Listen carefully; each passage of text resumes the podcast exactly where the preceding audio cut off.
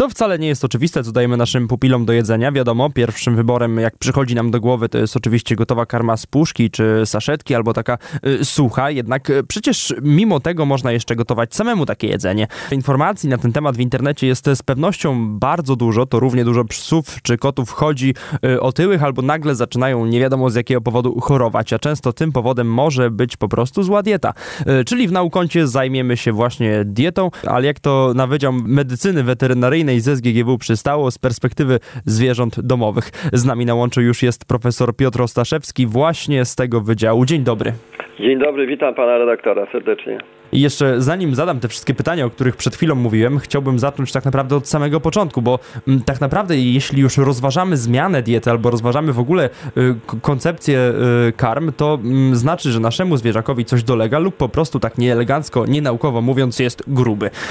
Czyli jak poznać poza tą otyłością, że to czym dotychczas karmimy psa czy kota, to jednak jest zły wybór? Jest to dosyć trudne pytanie, dlatego że mamy z jednej strony osoby, które nie mają zupełnie żadnego doświadczenia, jeśli chodzi o żywienie swoich czworonogów. Często jest to pierwszy pies bądź kot w rodzinie, natomiast również mamy osoby, które właściwie od zawsze były y, ze swoimi czworonogami. Często te zwierzęta były już w wczesnym dzieciństwie, tak powiem, z pokolenia na pokolenie i w związku z tym często są pewne nawet nie najszczęśliwsze przyzwyczajenia żywieniowe, które no, były tradycyjnie przekazywane z pokolenia na pokolenie. Musimy pamiętać o tym, że przed transformacją ustrojową właściwie nie było gotowych karm, czyli żywienie zwierząt opierało się tylko i wyłącznie na tym, co y, właściciel y, w dobrej wierze, często niestety popełniając różne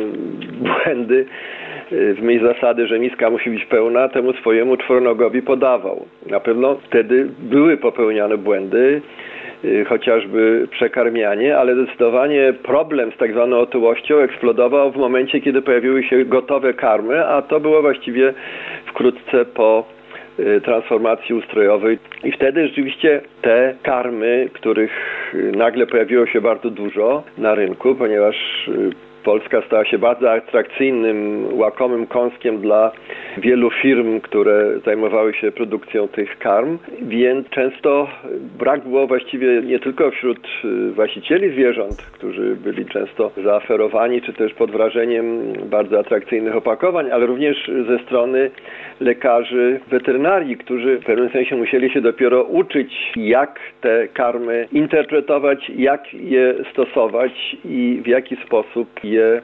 oferować y, właścicielom swoich pacjentów. Więc to był rzeczywiście bardzo znaczący okres, myślę, o tej transformacji ustrojowej i y, właściwie y, wraz z pojawieniem się gotowych karm pojawił się również problem niestety narastającej otyłości, ponieważ te karmy były tak sprytnie skonstruowane, że one posiadały bardzo atrakcyjne dodatki smakowe, które no, automatycznie zwiększały apetyt. Więc jeżeli w ślad za tym nie szła e, zwiększona troska właścicieli zwierząt o to, żeby po pierwsze e, jednak racjonować tę ilość spożywanego jedzenia, poza tym, żeby jednak dbać o to, żeby te zwierzęta były aktywne fizycznie, żeby były wyprowadzone na spacer, żeby ten spacer rzeczywiście nie polegał na tym, że pies schodzi, załatwia swoje potrzeby i wraca z powrotem, ale ten pies pokonuje określony dystans. Może się wyhasać. Może, może po prostu się wyhasać. No,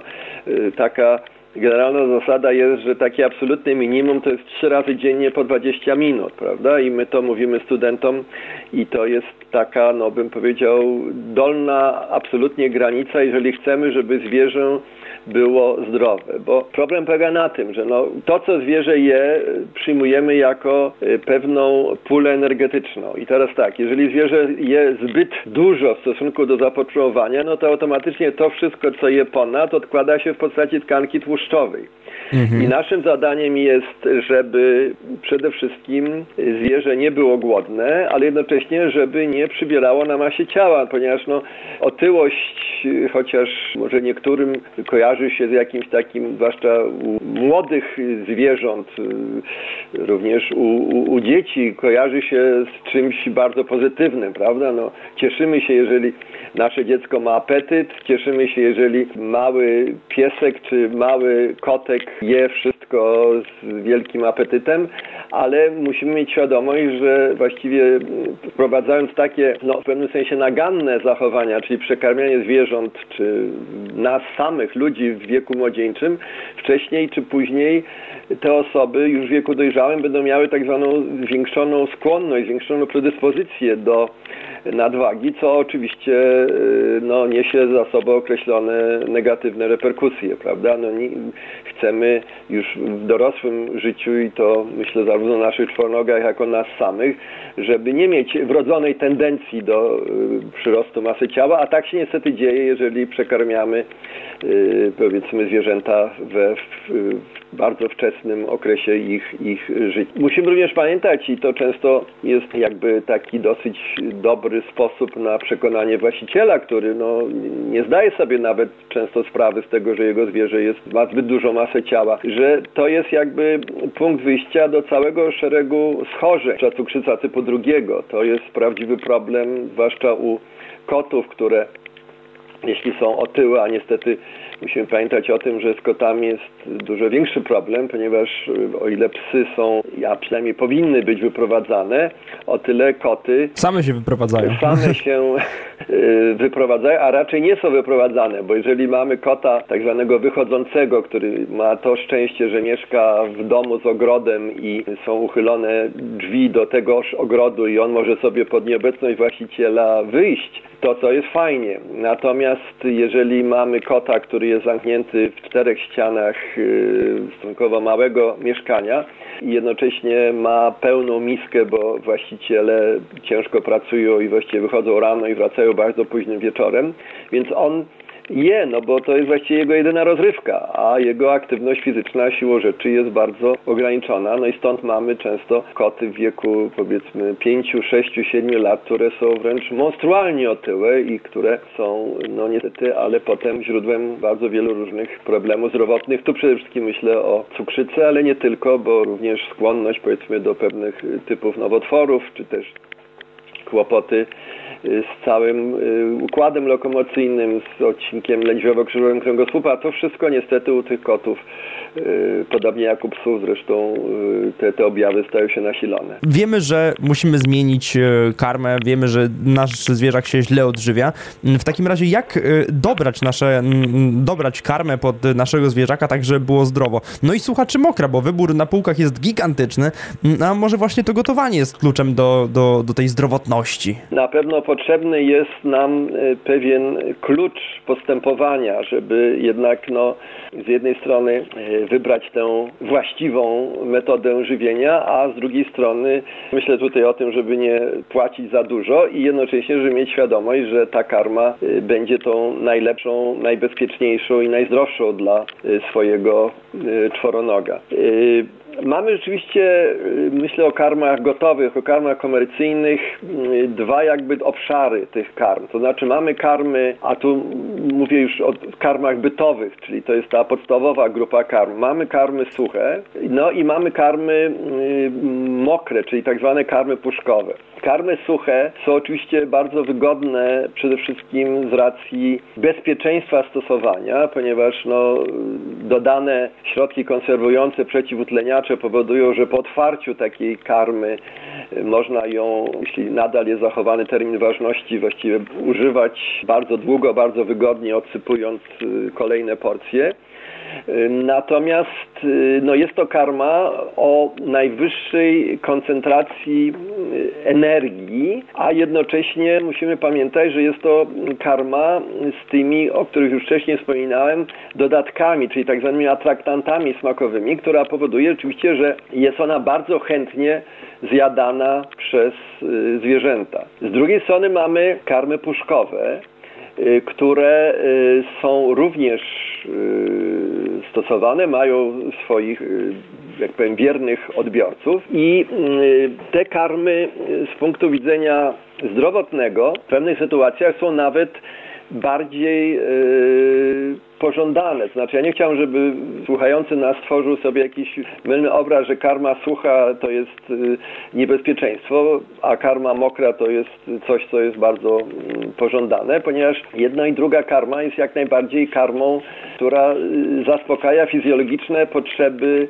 y, psa czy kota. Natomiast w przypadku karmy mokrej są pewne, a tu myślę o karmie puszkowej, są pewne sytuacje, kiedy no wręcz y, zalecana, czy wręcz pożądana jest taka właśnie y, karma y, puszkowa. Myślę tutaj o takich mm, sytuacjach jak chociażby wspomniana już wcześniej otyłość, czy też skłonność do otyłości, która u niektórych ras psów, jak chociażby labrador, jest, jest, jest wręcz no, trudna do, do, do opanowania, bo te zwierzęta oczywiście e, mają apetyt, a jeżeli jeszcze dodatkowo na przykład są to e, sterylizowane e, suki, to wtedy ryzyko no, nadwagi jest, jest bardzo duże więc o tym y, musimy pamiętać. I te karmy y, mokre, karmy puszkowe są również na przykład zalecane w pewnych sytuacjach, tu myślę szczególnie o kotach, gdzie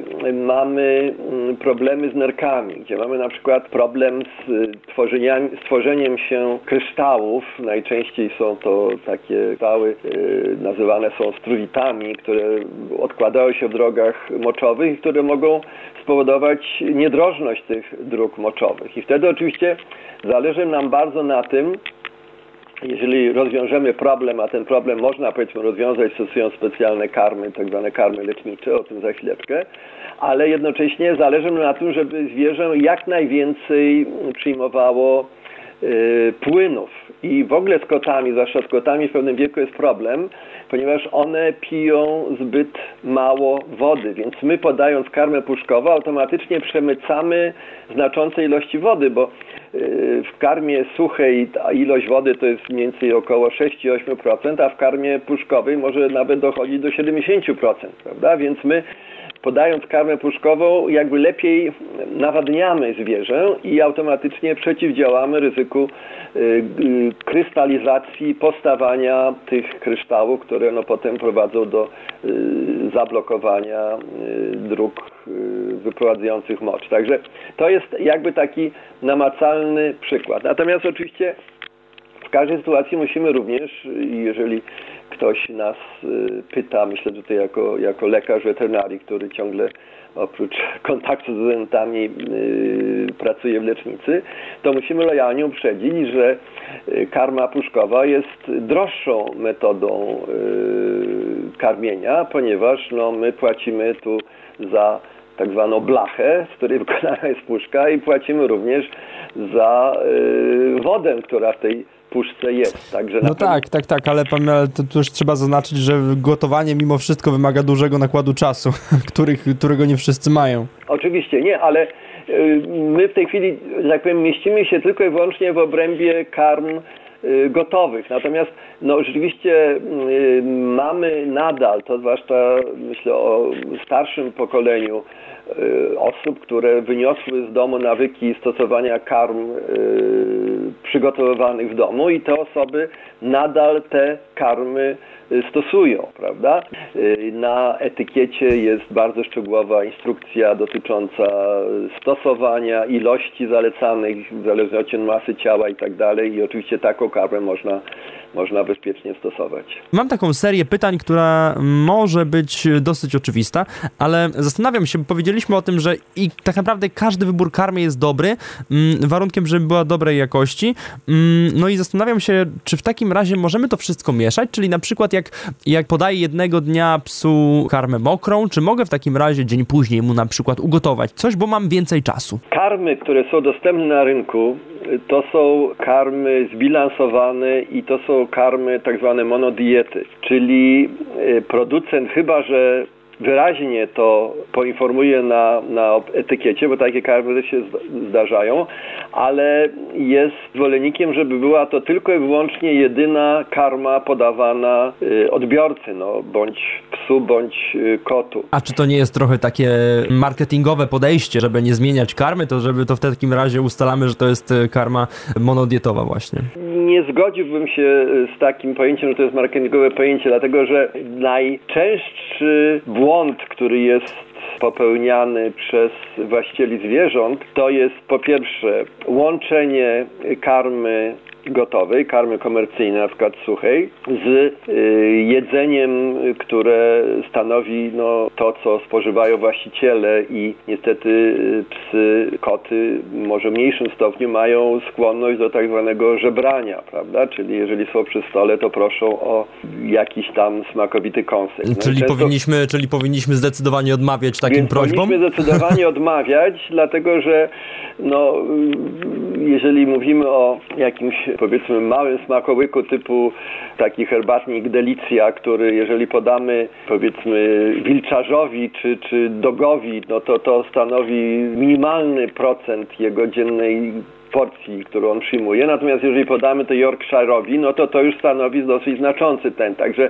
generalnie rzecz biorąc, y, przyjmuje się, że takie dodatki powinny stanowić nie więcej jak jakieś no 5 procent, wcześniejsze źródła podają 10%, ale jestem zwolennikiem 5% tego, co zwierzę w ciągu dnia je. Natomiast generalnie rzecz biorąc, zarówno mieszanie jedzenia komercyjnego z jedzeniem przygotowanym w domu. Myślę tutaj szczególnie o y, powiedzmy y, jakichś dodatkach mięsnych czy, czy, czy no wędlinach. Wędliny w ogóle nie powinny być podawane z uwagi na obecność przypraw, bo to wcześniej czy później prowadzi do alergii, do drapania się i tak dalej. Ale to najprościej mówiąc może prowadzić do przebiałczenia, ponieważ no i uszkodzenia nerek wcześniej czy później. Myślę tu szczególnie o, o, o psach. Mamy już tę dobrą karmę, mm, tak. przychodzi czas na efekty. No tak jak rozmawialiśmy, wiadomo, nasz zwierzak będzie zdrowy, jednak nikt nie, kiedyś nie zwracał na to wszystko szczególnej uwagi. No i właśnie i tutaj jest moje pytanie, czy coś od, y, czy coś od czasu, kiedy nikt nie myślał o zdrowej diecie zwierząt się zmieniło? Czy zdrowo karmiąc zwierzaka możemy liczyć na przykład na to, że zostanie on z nami na dłużej, że przeżyje te kilka lat więcej? Y, jak najbardziej. To znaczy przede wszystkim ja zawsze mówię właścicielom swoich pacjentów, że życie y, naszego czworonoga to jest takie jakby życie człowieka w pigułce, czyli to wszystko idzie dużo szybciej. Związku z tym, jeżeli zwierzę jest y, młode, no, ma 2, 3, 4 lata, to wtedy jakaś nasza specjalna troska dotycząca przeprowadzania okresowych badań i tak dalej nie jest może specjalnie tu tutaj ważna, chociaż y, jeśli ktoś może i stać go na to, to jak najbardziej powinien to robić. Natomiast u zwierząt troszkę starszych ja gorąco rekomenduję badanie okresowe raz przynajmniej w roku krwi i moczu, bo y, to jest takie jakby y, zajrzenie do wnętrza zwierzęcia. My oczywiście możemy oceniać jego kondycję, zwłaszcza w przypadku psów rasowych są pewne, że tak powiem, standardy dotyczące szczególnie masy ciała, dlatego na przykład bardzo rekomenduję, jeżeli zwierzę jest nawet zdrowe i często wizyta w gabinecie lekarskim jest związana tylko z okresowymi szczepieniami, żeby jednak y, namówić, to jest absolutnie usługa gratis, a w każdej lecznicy weterynaryjnej jest specjalna waga, która służy do ważenia zwierząt i takie jakby sprawdzenie, zresztą właściciele często sami o to proszą, czy masa ciała e, jamnika, czy, czy, czy boksera, czy każdej innej rasy jest prawidłowa, to jest cudowna okazja, żeby to zrobić. I jeżeli się okaże, że ta masa ciała jednak jest nadmierna, albo ewentualnie ktoś sobie gdzieś to zapisał w książeczce zdrowia i porównał, no to jest to sygnał, że może trochę więcej ruchu, może troszkę jednak większe y, restrykcje przy podawaniu tych posiłków, tak żeby jednak ta masa ciała była nadal utrzymywana w jakimś takim fizjologicznym ramach, więc, to jest na pewno y, bardzo ważne. Tym właśnie apelem o badanie naszych zwierząt, tak samo jak my badamy również i siebie. Y, dziękuję panu profesorowi Piotrowi Ostaszewskiemu z Wydziału Medycyny Weterynaryjnej ze Szkoły Głównej Gospodarstwa Wiejskiego za rozmowę. To była dla mnie naprawdę nie, niezwykła przyjemność. Panie redaktorze, redaktorze. Mnie również było bardzo miło. Bardzo dziękuję serdecznie za możliwość, tak powiem, podzielenia się swoją wiedzą z Panem i ze słuchaczami. Dziękuję serdecznie. Naukąt. To również wszystko w dzisiejszym Naukoncie i z tego co wiem, poprzednia audycja, w której rozmawialiśmy o pożarach lasów już się ukazała na Spotify, ale szczegółów tego szukajcie na stronie sggw.pl. Ja nazywam się Kamil Kuci. Do usłyszenia.